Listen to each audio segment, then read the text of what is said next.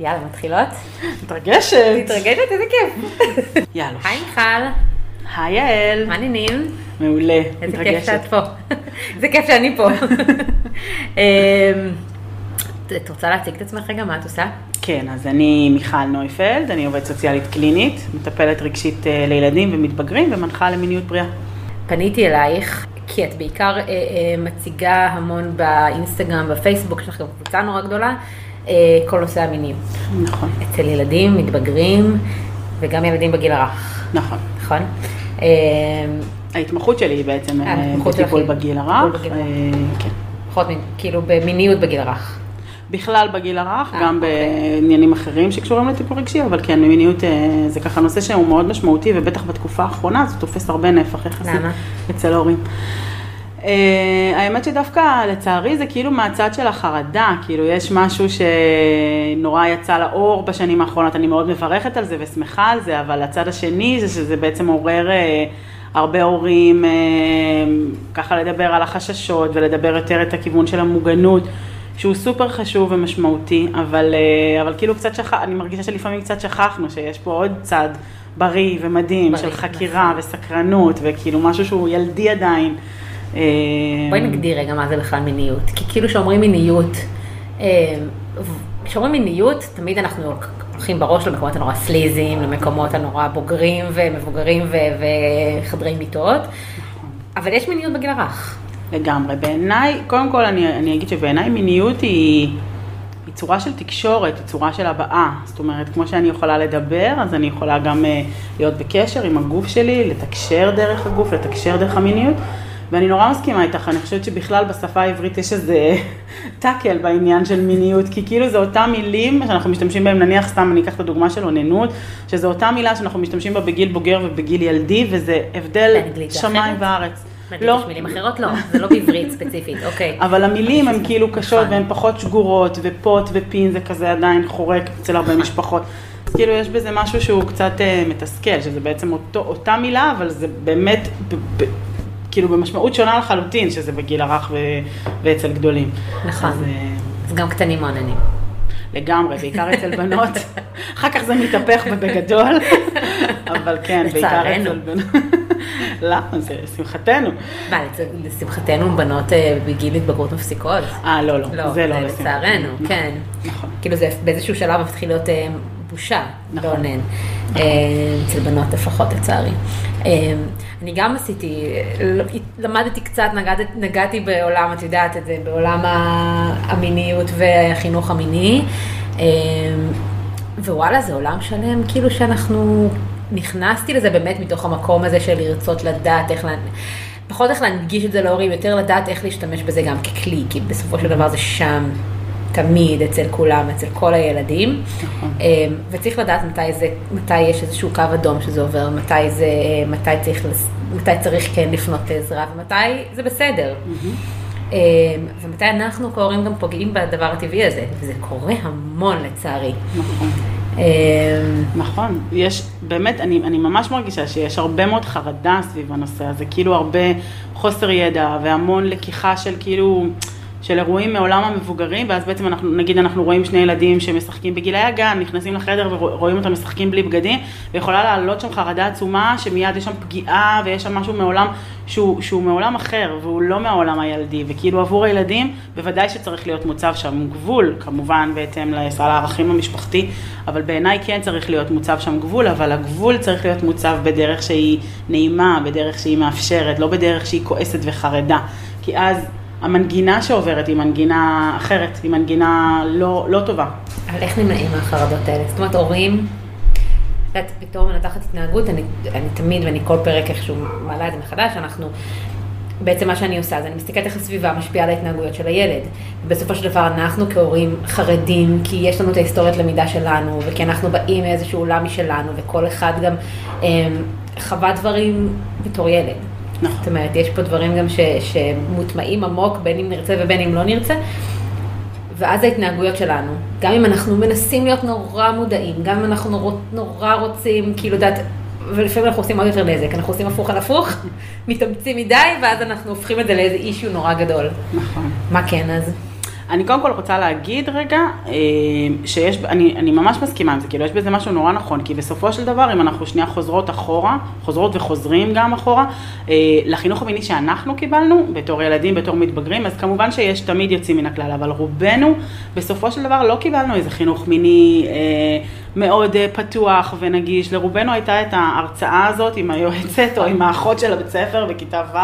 עם השקף הנורא מלחיץ אותי הזה, אצלנו גם דיברו על, אה, על התקן חוץ רחמי או על הריון חוץ, כאילו משהו הזיה, כאילו אני עוד לא קיבלתי מחזור, כאילו מה את מדברת איתי בכלל? זה היה כאילו משהו באמת אה, נורא לא, לא, לא, לא מותאם, כאילו, ואז בעצם על זה פחות או יותר, שוב, יש בתים שיותר, יש בתים שפחות, אבל פחות או יותר על בסיס זה אה, נבנה החינוך המיני שלנו, הייתה עוד איזו שיחת השלמה בכיתה ט', כשאני חושבת לעצמי, וואי, כמה יכולנו להספיק עד כיתה ט', כאילו, עד השיחת השלמה הזאת. נכון. ואז בעצם כאילו גדלנו והפכנו להיות הורים בעידן המיטו וכולי, וכאילו יש איזו ציפייה שאנחנו נהפוך להיות אה, מחנכי מיניות בריאה דגולים, ונדע לשלוף את כל התשובות. אז אני רוצה רגע להגיד, כאילו, ש... שכאילו שתהיה בנו גם את החמלה הזאת לעצמנו, שאנחנו נכון. לומדים ואנחנו בתהליך ואנחנו לא נולדנו, כמו שלא נולדנו, כמו שלא נולדנו להיות הורים, כאילו, אז גם לא נולדנו להיות אה, מחנכים למיניות בריאה, נכון. וכאילו, ושזה בסדר רגע. גם להיות במבוכה וגם אה, לא לדעת לענות את התשובה באותו רגע ולקחת שנייה את הזמן, להתייעץ רגע עם חברה או, או בקהילה. שזה עדיף על כאילו לענות תשובה מהמותן, כמו לדוגמה פעם שמעתי מישהי ש... אה, שאמרה על, על, על פוט, זה, זה, זה בולבול של בנות או משהו בסגנון הזה, ואני כאילו, עדיף היה שתגידי לו, אני אחשוב על תשובה ואני אחזור אליך אחר כך. ממש, ממש. חד משמעית, כאילו. ממש. אני רוצה גם להוסיף על מה שאמרת מקודם, שגם שתיקה זה חינוך מיני. זאת אומרת, גם עצם זה שיש השתקה סביב הנושא, גם זה שעצמו לנו את העיניים כשהייתה נשיקה בטלוויזיה, זה גם, זה חינוך מיני לכל דבר. זאת אומרת, זה איזושהי גישה בתחום הזה. נכון, נכון. וזה מה שחלחל אצל רובנו, באמת, אנחנו בכלל, בהרבה תחומים אנחנו דור מעבר של רות. נכון. אה, בהצפת, הצפת האינפורמציה שכאילו, שרק אנחנו מקבלים, אצלנו, לפנינו זה לא היה.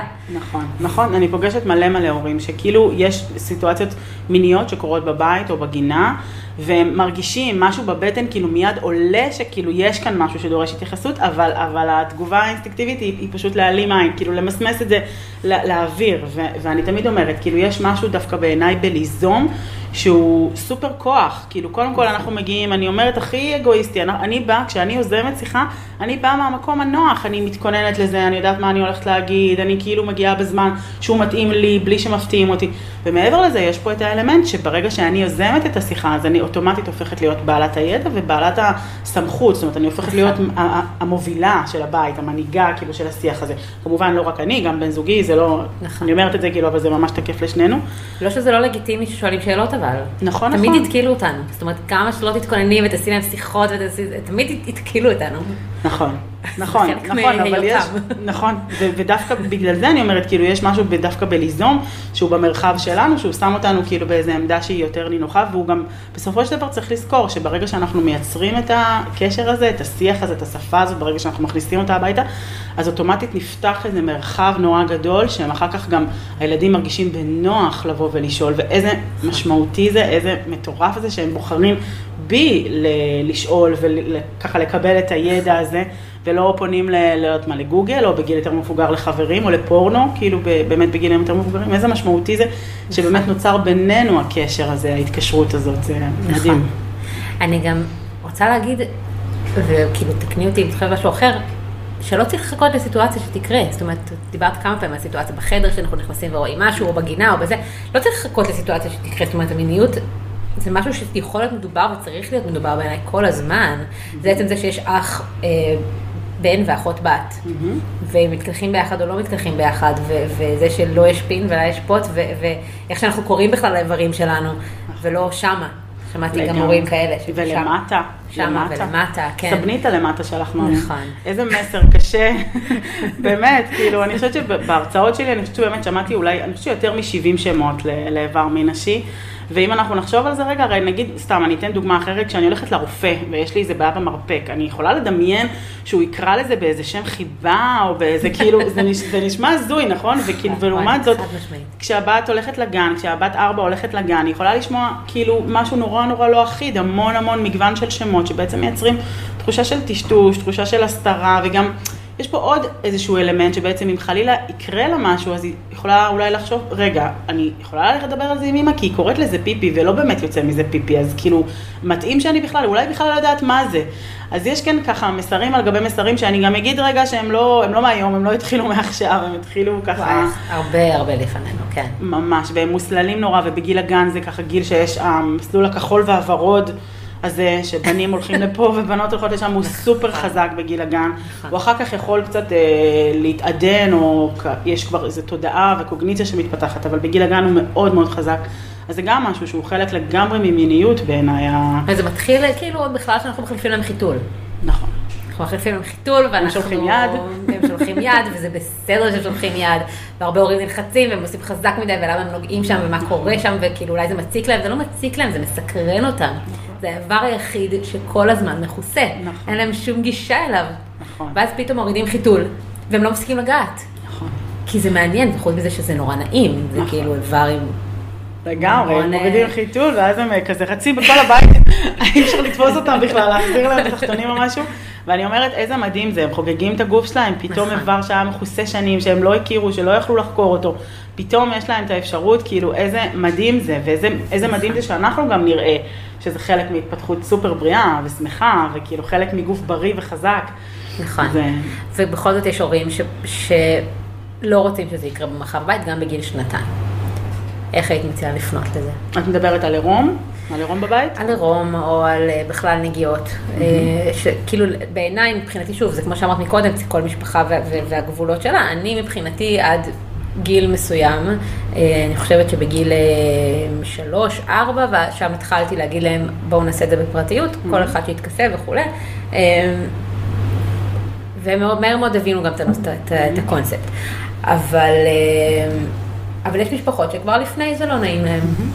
וזה אז, לגיטימי. נכון, לגמרי, לגמרי. קודם כל באמת זה משהו ככה משמעותי שאולי שווה רגע לחדד אותו, שבאמת במיניות אין, אה, אין הגדרות של נכון או לא נכון. זאת אומרת, אם אנחנו רגע יוצאים שנייה כמובן מהמעגלים האדומים של פגיעה מינית ממש, ואנחנו לא שם, ורוב הילדים לא שם, אז אם אנחנו יוצאים רגע, באמת אין כללים שאני יכולה להגיד אותם, הנה, עשה ואל תעשה. זה באמת נורא נורא קשור ותלוי אה, לתרבות ולסל הערכים המשפחתי, הפרטי שלי ולמקום שאני מגיעה ממנו ושבן הזוג שלי או בת הזוג שלי מגיעים ממנו ואיזה אווירה ואיזה ערכים באמת ככה אני רוצה להביא לבית.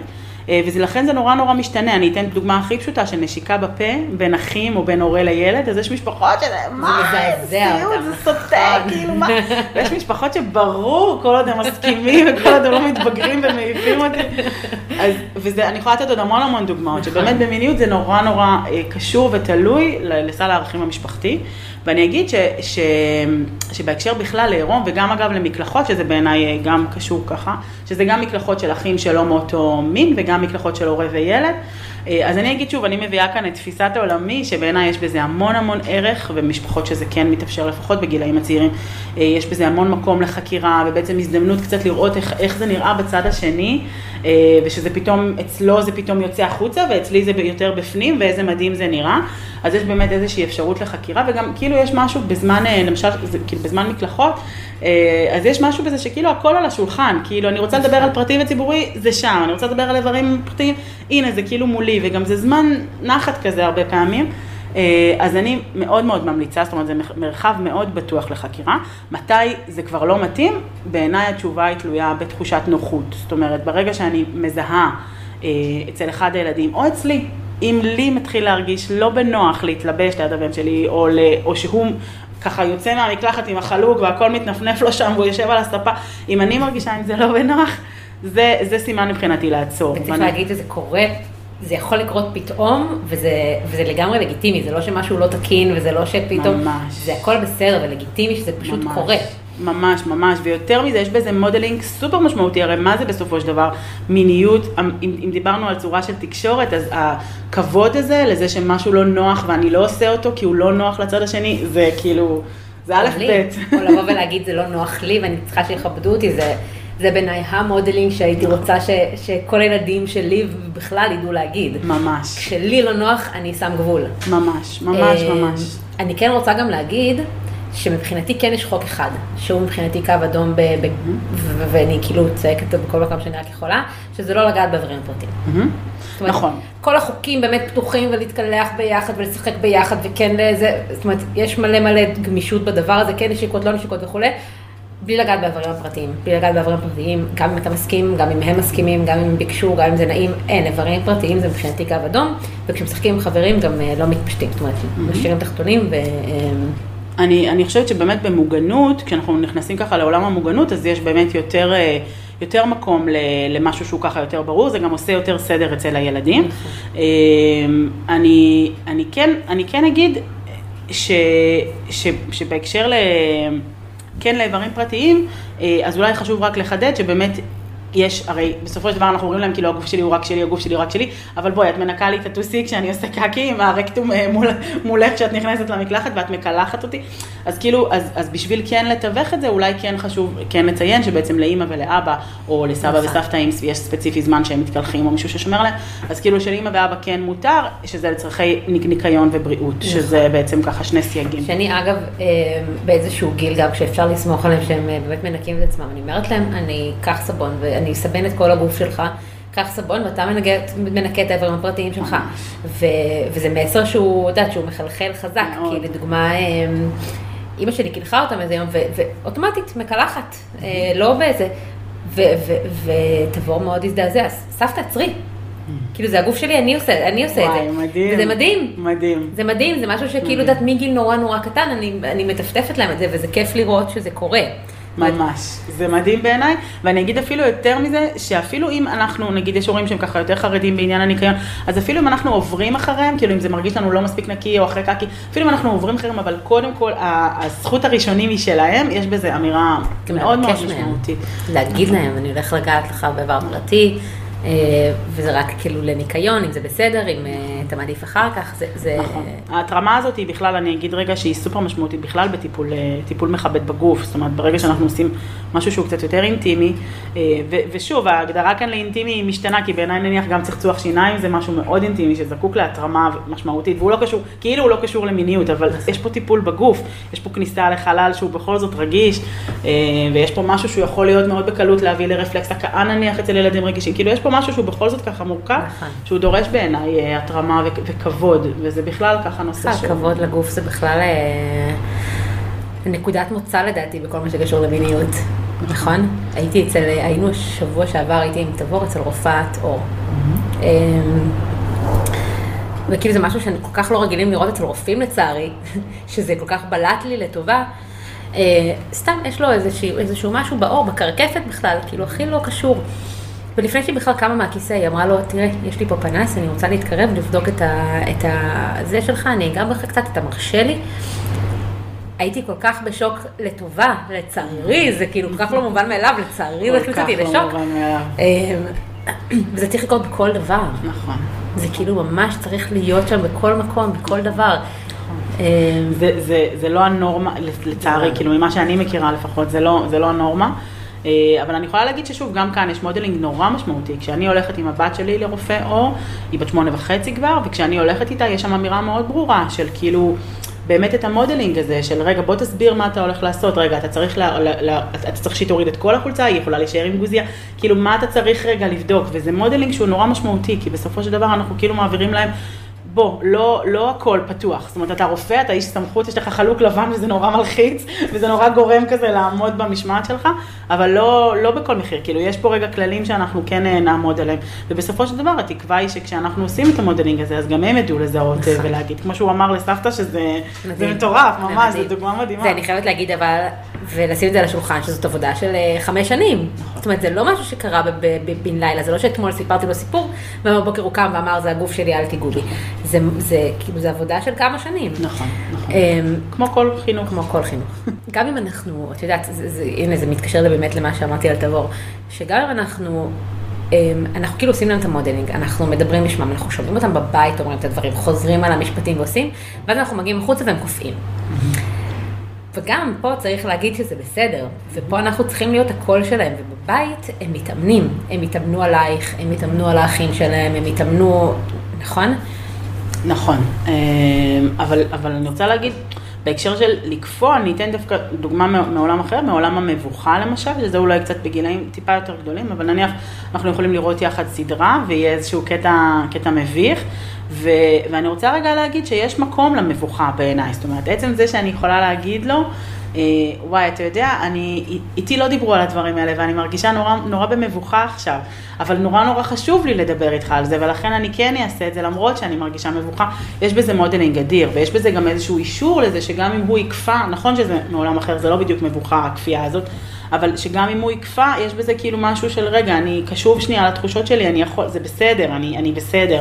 ואני חושבת שבהקשר למבוכה זה, זה, זה, זה נורא משמעותי, כי הרבה פעמים גם שילדים מתקילים בשאלות פתאום, נניח על איזה הריון או מאיפה בדיוק יצא התינוק וכאלה, ואז אנחנו פתאום כאילו, וואי, רגע שנייה, ומותר להגיד, מותר להגיד, וואי, שאלת שאלה ממש ממש חשובה, נורא חשוב לי לענות לך על זה, אבל אני לא פנויה כרגע עד הסוף, וחשוב לי להיות איתך ממש. אז אני רגע אחשוב על זה ואני, ואני אחזור אליך, וזה בסדר, ולחזור אליהם בזמן סביר, בכל זאת ילדים אין להם איזה זיכרון עד, אז לחזור אליהם כאילו בזמן סביר ולתת את התשובה, וכאילו רגע באמת, כמו שאמרתי בהתחלה, קצת להיות עם, עם החמלה הזאת לעצמנו, ש, שזה באמת נושא מביך. ו, ואני אגיד גם ש, שיש משהו מאוד טוב בזה שזה נושא מביך, זאת אומרת, בכל זאת זה עדיין משהו שהוא עדיין אינטימי, מיניות היא דבר אינטימי, שאנחנו לא עושים אותה בפרהסיה מול כולם, זה כאילו בכל זאת. המבוכה הזאת, הסומק הזה בלחיים, הדם שזורם, הוא סימן למשהו, לזה שנכנסנו לאזור שהוא יותר פרטי, וזה טוב, זה בדיוק מה שאנחנו רוצים לחנך למיניות, לעשות את החיבור הזה עם מיניות. לא משהו של בושה, לא משהו של אשמה, לא משהו של הסתרה, אבל כן משהו של אינטימיות, של משהו של פרטיות. בפרטי. כן. נכון. שזה לא עם כל אחד. אני חושבת שזה מתקשר לי קצת לנושא אחר, שאנחנו באמת שוב, זה מוביל אותי שוב לזה שאנחנו דור חדש של הורים, שבעצם חשופים להמון המון מידע. לטוב ולרע, אבל אנחנו חשופים להמון המון מידע, והרבה הורים מחזיקים בראש עדיין את התפיסה כאילו הקודמת, שההורה הוא מקור הידע, ההורה הוא מקור הכוח, ההורה הוא מקור כאילו להכל, ואז כשבאים לשאול, לשאול אותי שאלה, כאילו אני אמור לדעת לשלוף תשובה, כי כאילו זה, זה מה שהיה ההורים שלנו, יודעת, אני, אני עד, כאילו את זוכרת את הרגע, הרבה אנשים זוכרים את הרגע שבו כאילו מבינו, רגע, אם אני לא יודעת הכל, כאילו, זה רגע נורא מכונן, כאילו, זה רגע שהוא מאוד... אה, ממש, זה שובר. רגע, מה קורה פה? נכון, נכון. ואנחנו לא שם כבר, לא בחינוך, כאילו, לא במערכת החינוך, ולא בתור הורים. נכון, נכון. אני מאוד מסכימה איתך, אני גם אגיד שבגלל זו, זו הסיבה שמבחינתי אחד העזרים הכי משמעותיים בחינוך למיניות בריאה זה ספרים, אני מתה על ספרים ואני ממש חושבת שהקריאה שה, המשותפת הזאת אה, של ממש ללמוד כאילו ביחד, נניח סתם אני אקח דוגמה לספר גוף האדם, שאגב, יש הזיה כללית בישראל, שחלק נרחב מספרי גוף האדם לא כוללים את מערכות הרבייה, כאילו שזה באמת הזיה, אבל נניח אם אנחנו הולכים רגע על ספר שבדקנו אותו והוא כולל את איברי הרבייה, אה, אז נניח ההסתכלות הזאת המשותפת, הלמידה ביחד, אז זה שכמו שיש מערכת עיכול ומערכת המוח, יש גם את מערכת הרבייה, ואיזה מדהים זה, ואתה יכול אחר כך לדפדף גם בעצמך ולחזור אליי אחר כך עם שאלות, יש בזה משהו שהוא נורא כזה של joining, של ממש של כאילו איזושהי חברות ביחד. אתה מוציא את זה מהכוח שלנו. נכון. זאת אומרת, הוא הופך את זה, פחות מביך, כאילו, נכון, להתעסק נכון. עם זה חיצוני. נכון, נכון. ובגילאים יותר מבוגרים אני גם אראה איתם סרטונים, שוב, מתווכים, שאני ככה בשליטה עליהם, שאני יודעת מה יש בהם, ואני יכולה לראות איתם סרטונים מסוימים שמסבירים, ואחר כך לעשות את התיווך. יש גם ספרים שאני ארצה רק לקרוא מהם שני עמודים, כי הם נורא עמוסים בתוכן, אז אני ארצה לקרוא שני עמודים ואחר כך לעשות את התיווך, אבל כן, זה... תביאי אחר כך המלצות לספרים, אני אכניס אותם. בשמחה. בשמחה. מה את אומרת באמת להורים שהם, אה, מה הצעד הראשון באמת להורים שהם מובכים נורא מהנושא הזה, ש, ש, שעד היום חיו בהשתקה כזאת, כי זה מה שהם ידעו וזה מה שהם הביאו, אבל הם, הם נורא רוצים להביא את זה, והם נורא לא יודעים איך לעשות את זה. אז, אז קודם כל אני אגיד, אה, הטיפ הראשון שלי זה באמת ככה, להיות, להיות רגע בהקשבה, להיות שנייה רגע בטוב עם זה שזה מביך, עם זה שזה את לא... את מצביעה על עצמך, אבל לא רואים את זה. להיות בהקשבה לעצמי. כן. את עושה עם היד. נכון, נכון. אה, כן, צריכה רגע להתרגל לפורמט הזה שזה, שזה לא live. אה, אז באמת רגע להיות, ו, וכמה שאפשר, ממש, כאילו ברמה הכי פשוטה, להתחיל ליזום את השיחות מבחינתכם הכי... הכי פושטיות, כאילו הכי ממש פשוטות, נניח יש עכשיו הריון בבית שמתרחש, או הריון של מישהי קרובת דודה, או מישהי ככה קרובה שאתם איתה בקשר, אז ליזום שיחה על זה, לשאול מה הוא יודע על, על התינוק, ואם הוא יודע איך הוא נכנס לבטן, אם הוא יודע איך הוא יוצא, משהו כאילו באמת ברמה הכי פשוטה, לדבר על איברים פרטיים נניח, להסביר שמה שנכנס בבגד הים, זה מה שאנחנו מגדירים כאיברים פרטיים, אצל בנים זה ישבן, ו- ו- ו- ופין כמובן, ואצל בנות זה ישבן ופוט וחזה, ממש כאילו להתחיל ברמה הכי פשוטה ו- ו- ולעצור רגע, להקשיב, לראות מה זה מעלה מהצד השני. לפעמים זה, זה עוד לא שם, זה, עוד, הם, הם לא, זה לא מעניין אותם, הם חוזרים למשחק אחרי זמן מאוד קצר, ולפעמים זה מביא איזשהו פרץ כזה, איזשהו באמת שיח חדש נורא שנכנס לבית, וזה מדהים, כשזה קורה, זה מדהים, גם אם זה לא קורה, זה מדהים, זה בסדר, הם עדיין קיבלו את, ה, את האמירה ואת ה... ככה את ה... זה כבר לא מושתק. כן, בדיוק, הם קיבלו את החותמת שזה אפשר לדבר על זה, אה, אבל אם זה קורה, זה באמת אה, ככה מכניס משהו מאוד מאוד אחר ומעניין הביתה. אוקיי, יש לי שאלה קצת מכיוון אחר שנזכרתי תוך כדי. המון ילדים חוזרים פתאום מהגן, אני נתקלת בזה המון בשיחות שלי עם הורים. שעם עם, עם מילים כמו אה, אה, בולבול טוסיק וזה, ונקראים מצחוק, נשפכים מצחוק, נורא נורא מצחיק אותם. מה הקטע? בואי נשים את זה רגע על השולחן, מה הקטע? אז תראי. לי יש את לא. הפרשנות ההתנהגותית לזה, אבל בואי נשמע. חד משמעית, אני, יש לנו כפתורים. מסתבר שאנחנו כאילו בני אדם מבחוץ, אבל בפועל, בתוכנו אנחנו בעצם סל של כפתורים. אה, ויש לילדים שלנו חיישני על לדעת כאילו נכון. באמת מה לוחץ על הכפתורים האלה, מה מפעיל אותם, והרבה מאוד פעמים. דווקא בענייני מיניות, אה, הכפתורים כאילו מופעלים כאילו ב... ב ממש, כאילו מהר, מאוד. נכון. והילדים מאוד מאוד עולים על זה מהר, ואז הם הרבה פעמים דווקא ייקחו את ההתנהגויות המיניות וכאילו יפעילו אותם אה, ככפתורים. אבל הם לא, אני חייבת להגיד, הם לא דווקא מבינים שזה התנהגות מינית, זאת אומרת, הם לא עושים את זה ממקום מיני. הם עושים את זה לא. כי זו מילה שהפעילה איזשהו טריגר. בדיוק, בדיוק. אצל המבוגרים, לא אצלהם בכלל. ממש, ממש ממש ככה, זה בכלל לא מגיע מהמקום המיני, אבל הלחץ שלנו, של ההורים, שבעצם זה, זה הכפתור שמפעיל אותם, הוא כאילו, התגובה היא מאוד מאוד מהירה לזה, בשונה נניח ל... נניח, שוב, גם לאלימות, כמובן שתהיה תגובה, אבל כאילו בשונה מהתנהגויות מגבולות אחרים שמוצבים, במיניות הכפתורים בדרך כלל יפעלו מאוד מאוד מהר, וילכו דווקא למקומות המלחיצים והמסוכנים והכאילו מגוננים. כן. ואני רוצה להגיד שבסופו של דבר, במיניות, כמו, ב, כמו ב, באמת בנושאים אחרים, הצבת הגבול במיניות היא כמו כל הצבת גבול אחר שיש לנו בבית, ולכל משפחה יש את הגבולות שלה, אבל זה בדיוק אותו דבר, זאת אומרת, כשאני מדברת על מיניות בריאה, וכשאני מחנכת אותם למיניות בריאה, זה בדיוק כמו שאני מחנכת אותם, לא יודעת מה, לחגור אה, את החגורה נכון. באוטו, או לא לזרוק אה, את הקובות על הרצפה בזמן האוכל, כאילו... את הקובות, את זה עוד לא שמעתי מדוגמה. זה, את יודעת, כל אחד... בעולם הזה, לא. אין אדם מדבר אלא מהרהורי ליבו, יש לי תינוקת קטנטונת שמאוד אוהבת לזרוק קובות. אבל, אבל שוב, זה כאילו ממש מהמקום הזה, וברגע שאנחנו גם זוכרים את זה, אז גם הכפתור נכון. אה, יכול אה, לקבל קצת מרווח נשימה מהרגע שהוא מופעל, הרגע שאני מגיבה אליו. נכון. אה, כי בעצם אני מבינה שזה באמת כמו כל גבול אחר. ולגבי הקללות, אני, אני אגיד שהגישה שלי באופן כללי, היא תמיד תמיד תמיד להגיד את האמת. כמובן שתואם גיל, מה שאני אספר לילדה בת 4 או לילד בן 3 זה לא מה שאני אדבר עם ילד בן 6 או 8 או ילדה בת 14, אבל תמיד תמיד תמיד אני אגיד את האמת, ומבחינתי ברגע שיש אה, קללות כאלה, שוב, זה כמו שאני לא ארשה לדבר בשפה אחרת, של טיפש, של אה, חמור, של לא יודעת מה, שמן. אבל את אומרת בעצם שלהגיד אה, תחת ולצחוק זה קללה?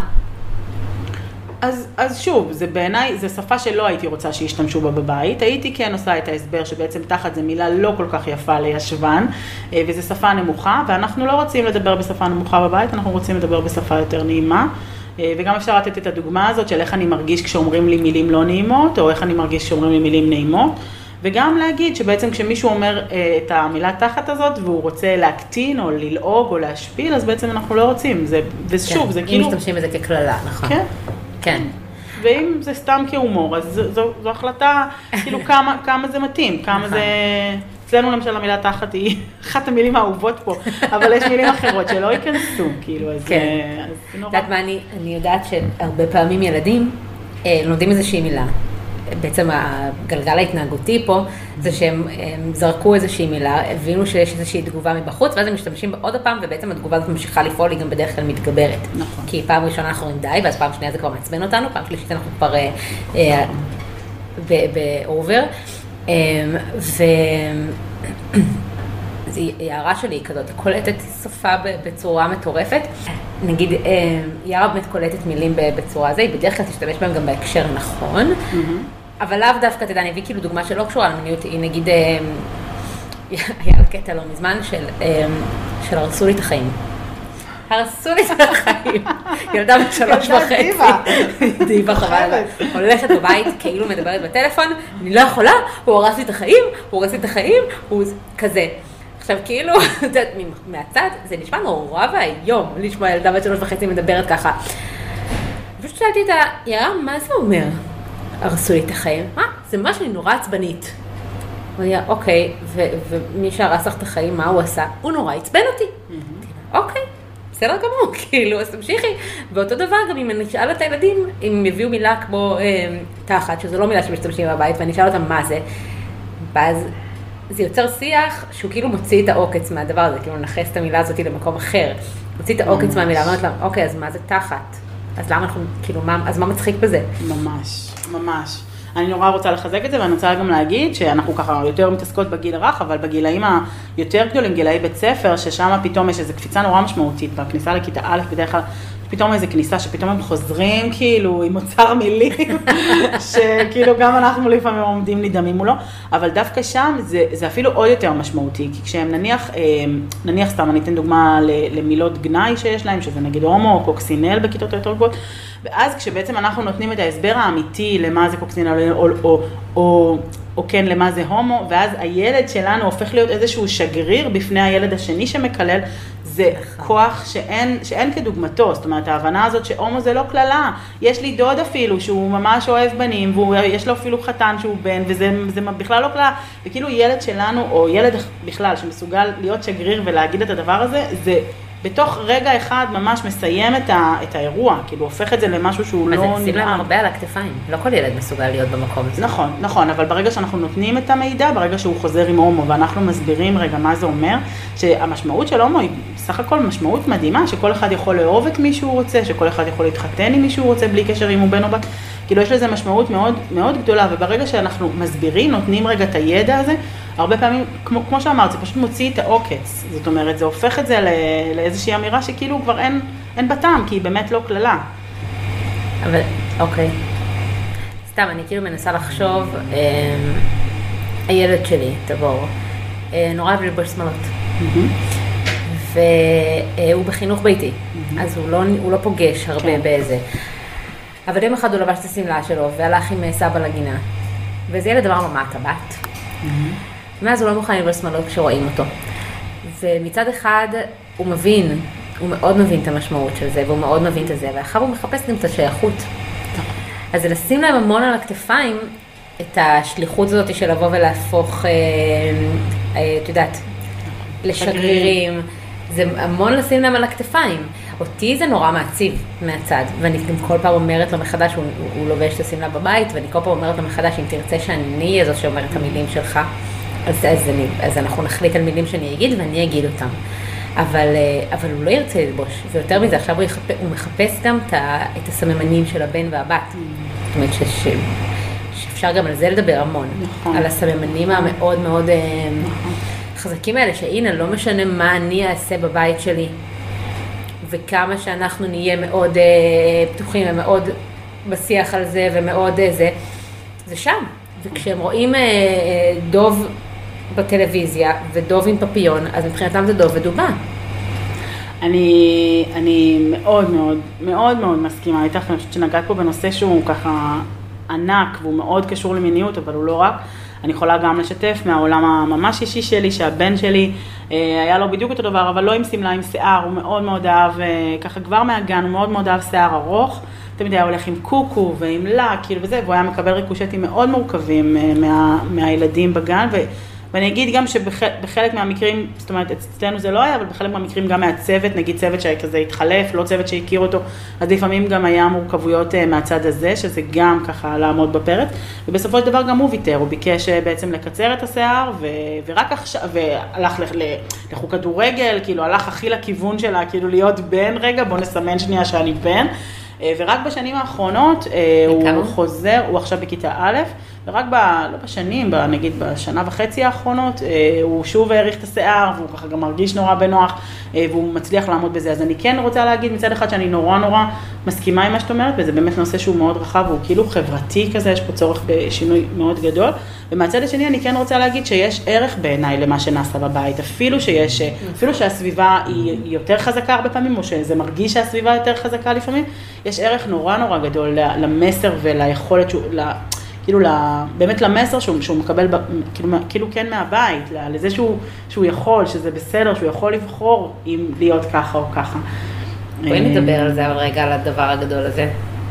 אם כבר פתחנו את זה. וואי, זה בעיניי ענק, אני, אני ממש, כאילו זה... את לא רוצה להיכנס לזה? לא, בטח, אני אשמח, אני חושבת... נראית כאילו התקלתי אותך. לא, זה פשוט נושא שהוא, שהוא קשוח, הוא כאילו... קשוח, מאוד מאוד. הוא גם הרבה יותר מורכב ממיניות בעיניי. ממש, ממש. הוא מאוד קשור, אבל הוא, הוא, הוא החלק המורכב.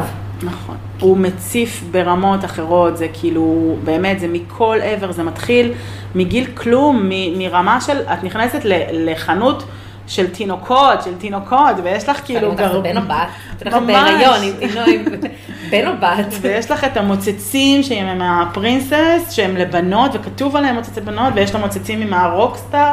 ויש את ה... לא יודעת מה, רגלי גרביות כאלה, את המכנסי רגליות האלה, שהם כאילו מוכוונים לך נורא, ואת השמיכות ואת הוורוד ואת הכוחות. זה משהו שהוא מאוד מאוד קשוח, אוטוטו אנחנו מתקרבים לפורים, מי שעושה ככה סיבוב בגני הילדים, אה, עמום, כאילו נכון, ויש כאלה שככה יש איזושהי תנועה שמתחילה אולי קצת לשנות, אבל עדיין המסה העיקרית... כל כך מוטמע בנו. מאוד. גם בך ובי, כמה שאנחנו מאוד מודעות ומאוד אה, עוסקות בזה, אנחנו גם חוטאות בזה. לגמרי, ויש לזה מחירים, מחירים קשים.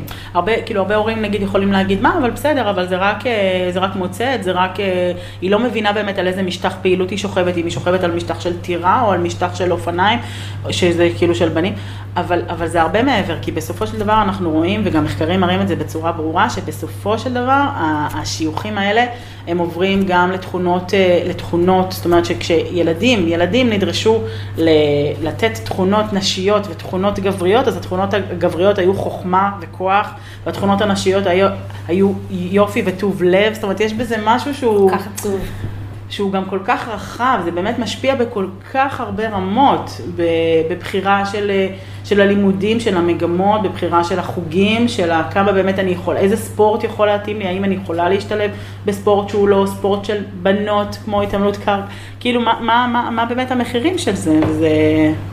יש אני חייבת להגיד שגם הבנים שלנו משלמים לזה מחיר מאוד גבוה. ממש. הנה, וכאילו הרגע סיפרנו על זה. ממש. זה מעבר לשמלה, זאת אומרת, זה לא העניין הזה שהוא רוצה ללבוש שמלה ולא לובש לזה בקטנה, כאילו, לא אכפת לי שלא ילבש שמלה, אבל זה המקום הזה שהוא מרגיש שהוא לא יכול להיות מי שהוא. בדיוק. המסגרת המאוד אה, גברית הזאת של... אה, אה, של גבר שיושב בספה ושותה בירה, זה כאילו, זה, זה לשייך אותם לשם. נכון.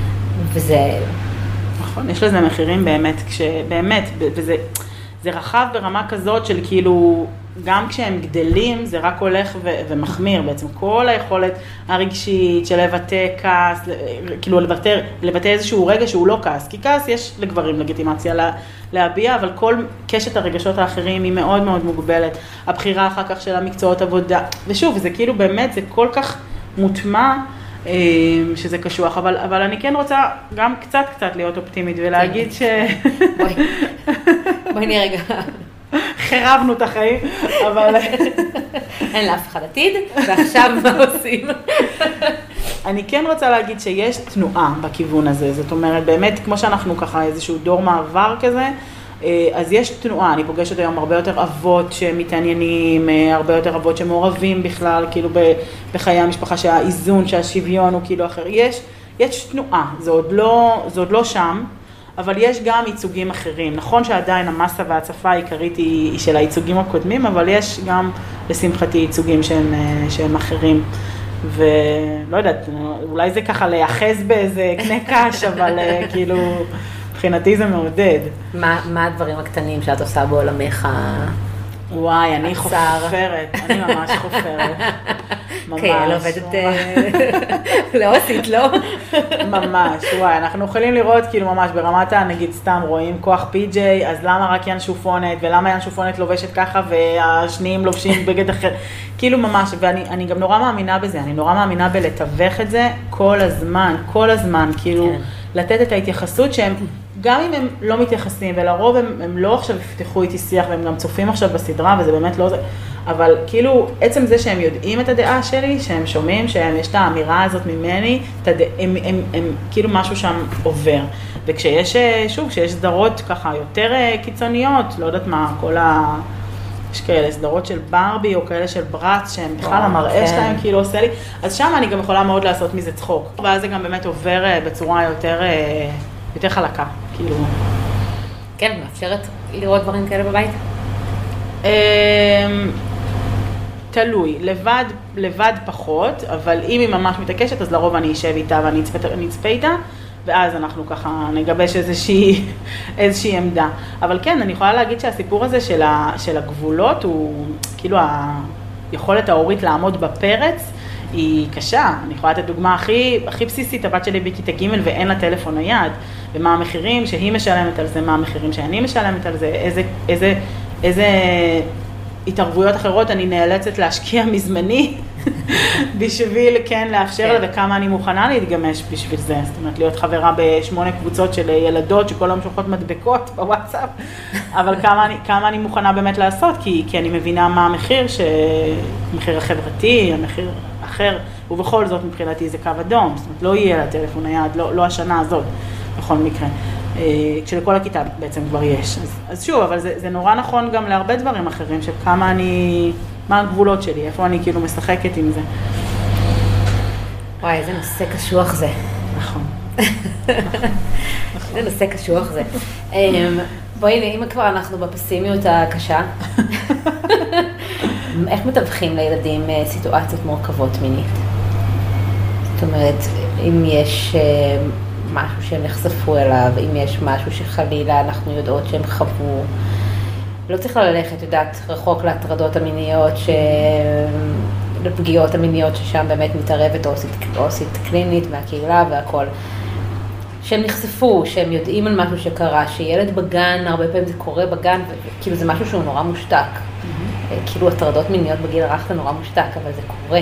ילד שנכנס עם ילד אחר לשירותים, או, או ילד שמוריד לילדים אחרים בגן את המכנסיים, זה קורה, זה קורה כל הזמן וזה מושתק כי, כי אנחנו מפחדים לבוא ולהגיד שיש הטרדות מיניות בגיל הרך, שזה כאילו זה משהו שמאוד מנוח, מנוכס לגיל, לדעת, לבוגרים, לעולם נורא שחור ונוראי ורק אנשים נורא נוראים עושים את זה, אבל זה קורה גם אצל ילדים. אני חושבת, אני חושבת ככה, קודם כל אני חושבת שהייתי נורא נורא נורא רוצה לחזק את הילד או את הילדה ששיתפו, שבאו ואמרו. זאת אומרת, זה משהו שראשון שהיה לי נורא נורא חשוב לעשות, לתת רגע את, ה... את העצירה הזאת, כדי להגיד, וואי, איזה מדהים שבחרת לשתף אותי ותודה רבה על זה. וכקו ממשיך, הייתי רוצה שבעצם אה, המציאות לא תחזור להיות אותו דבר. זאת אומרת, לא ייתכן שילד סיפר לי חוויה, שאגב, היא לא חייבת להיות מינית, היא גם יכולה להיות חברתית או משהו אחר קשה שהוא עבר, אבל לא ייתכן שילד כאילו בא ומספר לי משהו מפריע, קשה שהוא עובר, בין אם זה חד פעמי, בין אם זה מתמשך, וכאילו העולם כמנהגו נוהג בחוויה שלו. זאת אומרת, יש שם משהו נורא לא, לא שומר, נורא כאילו, אז מה, אז מה בכלל אני צריך לספר למבוגר? נורא פרוס, כן. אז כן היה חשוב לי אה, לתת את התחושה שמשהו קורה. עכשיו, זה לא חייב להיות, אני לא אומרת, זה בוודאי לא ממקום שעכשיו יעיפו את הילד השני מהגן, זה לא צריך להיות ברמה הזאת, אבל זה כן צריך להיות ברמה שמתווכת, כאילו שמשהו נעשה. זאת אומרת, אני, וואי, אני ממש ממש שמחה שדיברת איתי, אני הולכת לדבר על זה עם הגננת, כי זה משהו שנראה לי שצריך לשמור שם על גבולות, אסור שייכנס, ש, שילד אחר ייכנס לך לשירותים, בואו נראה איך אנחנו עושים את זה, ולהסביר, לתת תחושה לילד שמשהו נעשה עם זה, זאת אומרת שהוא לא חוזר לאותו עולם אה, שהיה, כאילו שהוא, שהוא אותו עולם מלפני שהוא סיפר, שמשהו כאן קרה, שבכל זאת המציאות זזה, שיש אה, מענה ל, ל, למצוקה שלו, לזה שהוא העלה משהו, והנה, וזה כאילו עושים עם זה משהו, גם אם זה לא הפתרון הכי אידיאלי שהוא היה רוצה, אבל נעשה עם זה משהו, זה לא עבר ליד. יש איזשהו חשש שאני נתקלתי בו בעבר, שזה יהפוך להיות התנהגותי. זאת אומרת שילדים הרבה פעמים מספרים סיפורים, mm-hmm. ההורים נורא נרתעים מהמילה לשקר, אבל כאילו מספרים איזשהו סיפור, כי הם יודעים לאן זה מוביל. זאת אומרת, הם יודעים שזה עכשיו יוציא את אימא מה, מהבית, וזה יגרום לה לעזור את הטלפון ולעזוב את הכל ולהתעסק איתי כאילו עם הזה. ואם זה קרה פעם אחת, אז, אז אפשר לספר את זה עוד הפעם, בקונסטלציה אחרת. וזה לא באמת, זאת אומרת, זה לא משהו שהוא נורא נפוץ. אני אגיד שהגישה שלי אה, היא ככה גישה קיצונית בעניין הזה, אבל בעיניי אה, להאמין לילדים שלנו, קודם כל. קודם כל, זה כאילו, קודם כל, ולו בשביל הסיכון האפסי, אפסי, אפסי, שפעם אחת אנחנו נפספס, אבל אני גם אגיד שמעבר לזה, זאת אומרת שזה לא רק ברמה של שאני לא אפספס, אלא, אלא יש פה ילד, יש פה הורה, אנחנו רוצים לייצר תקשורת, אנחנו רוצים לייצר התקשרות, אנחנו רוצים לייצר חיבור. הדבר הראשון שאנחנו נרצה ב, ב, בקשר הזה זה לייצר אמון, ואי אפשר לייצר אמון בלי שאני כאילו, שאני כל פעם, נכון. שאני כל פעם כאילו מטילה בספק, זה דבר אחד. ודבר נכון. שני, שזה אולי באמת אולי יותר מהעולמות שלך, אבל כאילו, ב, ב, בח, ב, כאילו בדבר השני זה שאני ארצה רגע לזהות, אם יש כאן משהו שחוזר על עצמו, אני ארצה שנייה לזהות מה, מה הצורך, זאת אומרת, יכול להיות שיש כאן צורך אחר. שהוא לא קשור למיניות, הוא כאילו, שוב, זה נורא מפעיל אותנו, כי זה כאילו כי זה- הכפתורים האלה, נכון. אבל, אבל זה לא שם, זה בכלל לא זה. בכלל לא זה. נכון, זה מה שבאתי להגיד, באמת רציתי להגיד שאם הילד באמת מרגיש את הצורך להמציא סיפורים בנושא הזה, זה יושב על משהו אחר. ו, וזו עדיין מצוקה שאנחנו נרצה לטפל בה. זו עדיין מצוקה שאנחנו רוצים, ברור, חד משמעית, אם, אם ילד מגיע למצב שהוא צריך להמציא סיפורים, אז, אז אנחנו צריכים לטפל בדבר הזה, אבל זה באמת, זה לאו דווקא קשור למצ... למיניות, זה לא מצוקה, אה, אה, לאו דווקא מצוקה מינית כלשהי, זאת אומרת, נכון. ו- ו- ולא צריך לפחד מזה, גם מזה, כאילו בכלליות, אני חושבת שהמסר שלנו בפרק הזה בכלל הוא, אל תפחדו, אנחנו נעשה טעויות, אנחנו עושים טעויות כל הזמן, ו- ו- ולפחד זה כאילו זו לא הדרך, אבל... אה, תחסכו לפסיכולוג ואל תפחדו. אבל, אבל, אבל אם ילד מגיע למצב באמת, זאת אומרת, אנחנו קודם כל נצא מנקודת, אה, מנקודת מוצא שאנחנו מאמינים לילד שלנו, נכון. וגם, ולו בשביל הסיכוי שהוא בודק את זה. נכון. הוא בודק אם אני מאמינה לו, הוא בודק אם יש לו גב אה, ולא משנה מה יקרה. נכון. גם אם הוא לא עושה את זה במודע, אגב, גם בגיל קטן זה לא שהם עכשיו את מתכננים תוכנית, בואו נבדוק איך היא מגיבה, אבל כאילו יש שם איזושהי בדיקת, אה, בדיקה של הקשר שלנו. בדיקה של הקשר, לגמרי. אמ, וכן זה צריך להדליק לנו איזושהי נורה אם הילד שלנו מרגיש את הצורך לעשות את זה אגב, נכון. בעיניי. נכון. אני גם אגיד ש, שבכלל בהקשר ההתנהגותי, זאת אומרת, אם, אם הגבול, בהקשר, נניח סתם, אני אתן דוגמה על אוננות, אז אם באמת יש ילדה שאנחנו רואים שהיא מעוננת, ואנחנו אומרים לה, מאמי שלי, אני רואה שזה נורא נורא נעים לך, אבל זה משהו שאנחנו עושים אותו בצורה פרטית בחדר, ובכל זאת יש התנהגות, שוב ושוב, הצבנו את הגבול מספר פעמים, ובכל זאת יש התנהגות ככה מתריסה נורא, שהיא בדיוק באמצע הסלון, או בדיוק אצל סבתא בקידוש עם כל הדודים. אז גם שם אנחנו, אז זה כאילו אנחנו נוציא את זה רגע מההקשר המיני, זאת אומרת נכון שההתנהגות בפועל היא מינית, אבל זה כבר לא יושב על זה, זה יושב על משהו אחר ונרצה להבין שם מה, מה הצורך, על נכון. מה, על מה זה באמת יושב. אבל זה שההתנהגות היא מינית, זה היה, אותו דבר יכול להיות עם, עם אלימות, או אותו דבר יכול להיות עם אה, התנהגות שהיא לא מקובלת כן. אחרת. נכון. אבל אני גם, אני רוצה להוסיף, ופה באמת, אה, אני, אני אומרת את זה מ... את יודעת, אה, בואי תגידי אם זה נכון, שזה גם יכול לשבת על, אה, על מקומות של ויסות, מיניות נכון. ספציפית, כן, אם יש משהו בס- בסגנון הזה של אה, ילדים שמעוניינים, אה, אה, ברכה לי המילה? כפייתיים כאילו, בצורה כפייתית ולא מצליחים להפסיק, אה, גם כשהם יודעים שזה לא בסדר, זאת אומרת, לא, לא שזה לא בסדר, לא נהנה, שזה לא בסדר לעשות את זה במקום מסוים, אז כן שווה לבדוק את זה גם מול... נכון. בכלל אני אגיד על אוננות בכלל, שהיא אה, ככה מקורה בסופו של דבר בהתנהגויות שהיא נועדה, ב, ב, ב, כאילו בהתנהגות שהיא הרגעתית. הרבה פעמים אנחנו נראה את זה לפני השינה, על המזרון בגן, בעזרת איזשהו דובון נעים, או איזושהי שמיכה שהיא ככה יותר נעימה. והיא באמת, זה איזושהי התנהגות, או, או מול טלוויזיה, זה איזושהי התנהגות שהיא נועדה להרגעה. היא אגב מאוד דומה להתנהגויות כמו מילול של השרוול, או מילול של התנוך של, התנוך של האוזן. כל מיני התנהגויות הרגעה שאנחנו רואים אצל ילדים, וזה לא שונה. וזה בסדר. וזה לגמרי, לגמרי בטווח התקין, זה, זה משהו שהוא טוב. אה, אבל כן אני אגיד, ונכון, ברגע שהיא הופכת להיות אגרסיבית יותר, או ברגע שהיא הופכת להיות אה, כוללת נניח אה, פציעה, או על, שול, על פינה של שולחן, או על מקום שנראה לנו שהוא יכול ל- ל- כן להזיק, אז צריך גם לבדוק את ענייני הוויסות. אבל גם כאן אני רוצה להגיד שהרבה פעמים כשאנחנו נראה את זה כאוננות, אז כאילו ישר אנחנו נלחץ ונגיד, לא, אני שומעת הורים, הורים כבר אמרו לי ש- ש- ש- שהילדה שלהם נימפומנית, כאילו זה מגיע למקומות וואו. נורא נורא קשים, ולעומת זאת אם נראה את אותה התנהגות, נניח אם זה היה בשרוול, אז ממש להגיע לרמה של חורים בשרוול, אז היה להם יותר קל להכיל את זה, למרות שמבחינתי זה יושב על אותו סיפור של ויסות, כן. כאילו זה אותו דבר, נכון. אבל משהו במיניות, ושוב, אני, אני לא מבקרת את זה, אני, זה מאוד אנחנו- טבעי לנו, אבל שזה נכון. קורה, זה מאוד טבעי שזה, שזה מה נכון. שיפעיל אצלנו את הכפתורים. נכון. ולא רק בגלל ההיסטוריה שלנו, זאת אומרת, זה מאוד אבולוציוני. נכון, וגם רוב מה שאנחנו שומעים, זאת אומרת, כשאנחנו כבר כן שומעים, נחשפים למיניות, אנחנו הרבה פעמים נחשפים לצד הקשה, לצד ה- הפגוע, לצד הטראומטי, זאת אומרת, אנחנו, מה אנחנו שומעים בחדשות? על, על אונס, על עוד הטרדה, על עוד אחד שנתפס, על עוד נשיא, על עוד. נכון. אנחנו פחות שומעים על חלקים של עונג, על חלקים של שמחה, על חלקים שהם של כיף. נכון. ואת איפה זה אנחנו... מכניסים את זה באמת לשיח? וואי, ממש מכניסים את זה לשיח בכל, אה, בכל דרך שהיא. קודם כל, אני חושבת שזה נורא מתחבר לחלק שדיברנו על הכבוד לגוף, אה, ממש ברמה של לעשות עיסוי ולדבר על כמה נעים זה לגוף שלנו ואיזה כיף שאנחנו מצליחים להרגיש כזאת תחושה נעימה בגוף.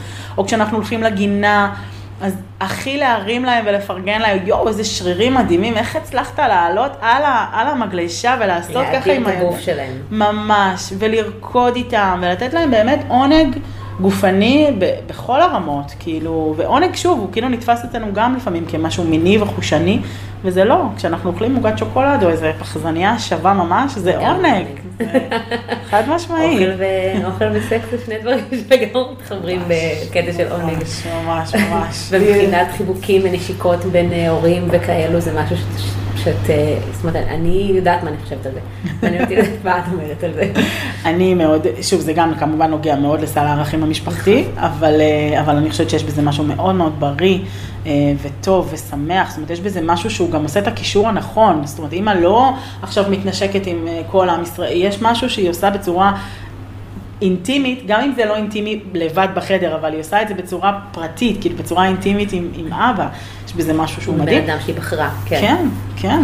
נכון. אה, ויש בזה משהו כאילו באמת מדהים. ילד, אני, אני גם רואה את זה, ילדים שגדלו אה, עם מחוות אהבה שהן אה, גלויות, הם אחר כך, אה, היכולת ביטוי שלהם למחוות האלה היא הרבה יותר גדולה.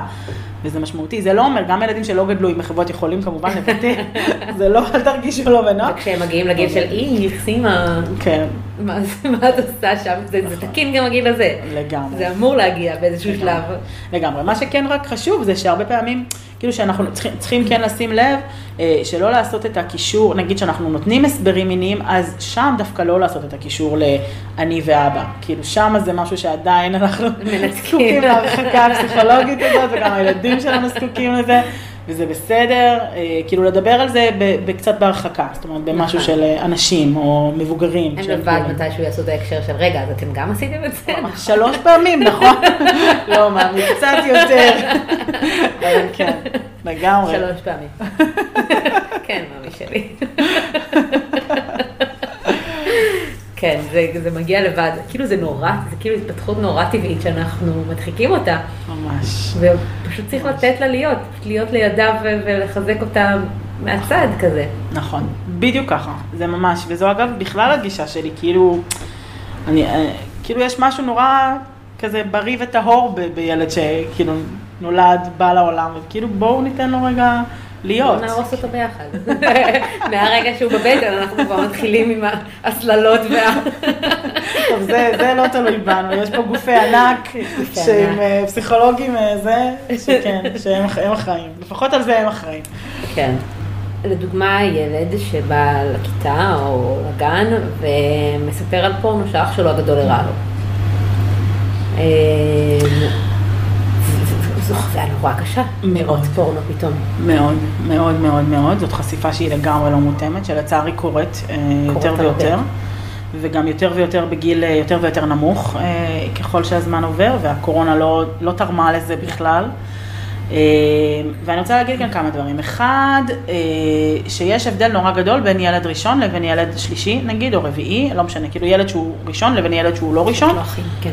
אה, מבחינת רמות החשיפה, מבחינת הידע, מבחינת המודעות של ההורים. זאת אומרת, יש לפעמים נורא רצון של ההורים לשמור, אבל יש משהו בכל זאת בילד שהוא גדל עם ילדים מתבגרים, שהחשיפה שם היא אחרת. ולכן, כאן אני שוב חוזרת לכלל הממש בסיסי שלי, שזה אתם מכירים את הילד שלכם ואתם תחליטו מתי ואם ליזום.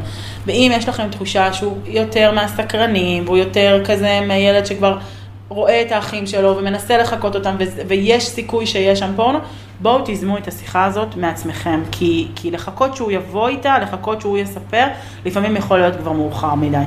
ואז בעצם כשאנחנו פותחים את השיחה על חשיפה כזאת, קודם כל חשוב לי נורא להגיד אה, שיש הבדל גדול, זאת אומרת, עם ילדים מתחת לגיל 10 אני אדבר בצורה מסוימת, אם ילדים מעל נניח גיל 11-12 שכבר ברור לי שיש שם חשיפה ולפעמים נורא אינטנסיבית, אז אני כבר אדבר על זה ממקום אחר, אדבר על זה ממקום של להסביר את, את, ה, את הנזקים ולפתח אצלם חוש ביקורת, זאת אומרת, אני אביא את זה כבר ממקום אחר. אבל להגיע לגיל 10, רגע, אני רוצה לעשות את זה, להגיע לגיל 10 בלי שדיברנו על זה עד היום, זה, זה מאוחר.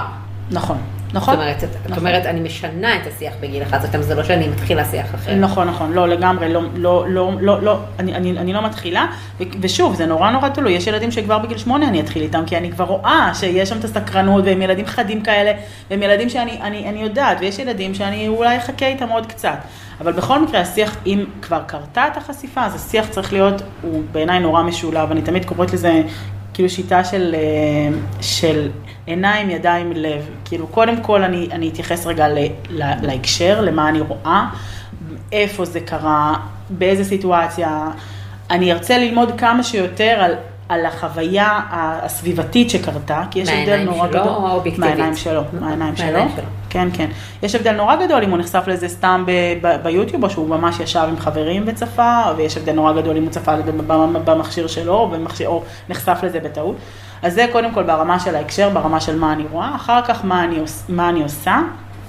סליחה, אחר כך אני אתייחס למה אני מרגישה, לחלק של הלב, שזה חלק נורא נורא נורא משמעותי, שלפעמים הורים מפספסים אותו, הם כאילו ישר נורא עוברים לחלק של מה אני עושה, כן, כן של הלחסום והנסחים ועכשיו הם זה, אז כאילו הרבה הורים עוברים ישר לשם, ואני רוצה להגיד שהחלק הרגשי הוא סופר משמעותי במיוחד, כי בחשיפות הראשונות, אם אנחנו עדיין מצליחים לתפוס את זה בחשיפות הראשונות, יש סיכוי נורא נורא גדול שזה יעורר דווקא גועל, ודווקא תחושה של הלם, ודווקא תחושה של משהו כאילו... זה ממש על גבול ההטרדה מינית. וגם על גבול הטראומה לפעמים. כן.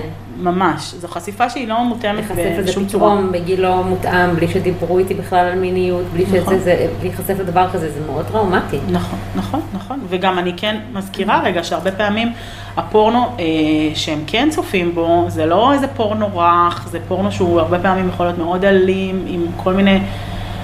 פרוורסיות כאלה ואחרות, אני לא אפרט, אבל, אבל זה יכול להיות מאוד מאוד קשה, וגם שנייה בואו נזכור שפורנו זו לא המציאות, זאת אומרת, יש שם עיוות מאוד מאוד גדול, גם של, גם, גם של הגודל של האיברים, גם של הכמות גברים מול, מול אישה, גם של, הכל שם כאילו בפול ווליום כזה, וזה נורא נורא קשה. זה פתאום חשיפה כאילו מאוד קשה, ולכן החלק הרגשי, ההתייחסות הרגשית, היא נורא נורא משמעותית. להבין רגע, לאוורר רגע, להבין רגע מה עבר עליו שם, איך הוא הרגיש, איך בכל זאת התגלגלה הסיטואציה. להיות נורא באמפתיה לדבר הזה, אפילו שבתוכנו אנחנו כאילו מזדעזעים וכועסים וחושבים, אז כאילו זה, והחלק האחרון זה באמת הפרקטיקה של אמירה ברורה, שאני לא מרשה לך לראות את הסרטים האלה, ואם יש מישהו שאם במקרה זה כן קרה, אז אני מצפה ממך לבוא ולהגיד לי.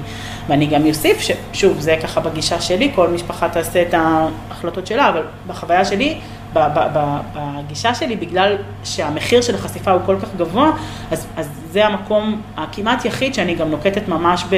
ב באספקטים טכניים, זאת אומרת ממש במסנן, בפיל, כאילו ממש במשהו כאילו נורא נורא ברור שהוא חיצוני, שהוא עזר, שהוא עוזר לי בעצם למנוע את החשיפה הזאת. חוזר לך למנוע את החשיפה אצלהם במכשירים שלהם. נכון. אבל מתי את, מתי את כן מביאה אותם למודעות שיש דבר כזה ואולי הם ייחשפו לזה? אמ, זה נורא תלוי בכמה אני מכירה את הילד שלי. שוב, אם אני מרגישה שזה ילד יותר מהסקרנים, יותר שכזה, שהוא גם יותר מהשתקנים ויותר מהסקרנים. אבל גם השתקנים, אני מכירה סיפור של ילד ששוב, ראה את זה אצל, אה, בכיתה ב', משהו כזה, א', ב', mm-hmm. משהו כזה. אמ, ראה את זה אצל אחיו, ועם הפלאפון שלו בא לכיתה והראה לילדים. אין לך שום שליטה על זה, אין לך מושג מתי זה הולך לקרות, נכון. וזה קורה. נכון. וזה קורה, וזה אפילו, אפילו בלי הסרטון. לא לבוא ולהגיד, אתה יודע מה ראיתי אצל אחי, כאילו במחשב שלו, מה הוא הראה לי. זה משהו שקורה, וזה, וזה טראומטי לא פחות. נכון, נכון. אני כן אגיד שאני רוצה להאמין ש, אה, שברגע שאני מתחילה את החינוך בגיל מאוד מאוד צעיר, ואני כאילו כל הזמן מפמפמת על מה בריא ומה טוב, אני רוצה להאמין שברגע שמשהו ירגיש שם לא נוח, וירגיש אפילו קצת לא מותאם, וזה משהו מאוד לא מותאם, אז ש, שיהיה שיתוף די מיידי. ואז אני כמובן אדבר על זה. אם אני כן רוצה ליזום, אז כן, זה כן אפשרי סביב, סביב כיתה ב', אבל ברמה מאוד uh, עדיין מורחקת. זאת אומרת, משהו כמו להגיד, uh, אתה יודע, שמעתי שיש סרטים כאלה, או לפעמים במחשב תוכניות עם אנשים שמראים את האיברים הפרטיים שלהם. שמעת פעם משהו על דבר כזה? עכשיו, אני, אני אסייג רגע ואני אגיד, אם ילדים סקרנים, יש סיכוי שדווקא הדבר הזה יוביל אותם לחיפוש. Okay. אבל ברגע שאני, מבחינתי זה מחיר שאני מוכנה לשלם, כי פתחתי את השיח, זאת אומרת, אפשרתי לזה לקרות, ואפשרתי לזה שגם אם הוא יראה ויחפש, הוא יבוא לדבר איתי אחר כך, ונוכל כן. לעשות את התיווך. זה לא כאילו, את לא שמת על זה טאבו, זה לא סוד נוראי שהוא צריך נכון, להסתיר. נכון. ובכל זאת מקשיבים לנו הורים שלא התחילו את החינוך הזה בגיל אפס, ולא היו מודעים לזה, והם כן רוצים להתחיל. איפה מתחילים? מחר בבוקר, אם לא היום בצהריים, אתם שומעים את זה עדיין אה, זה.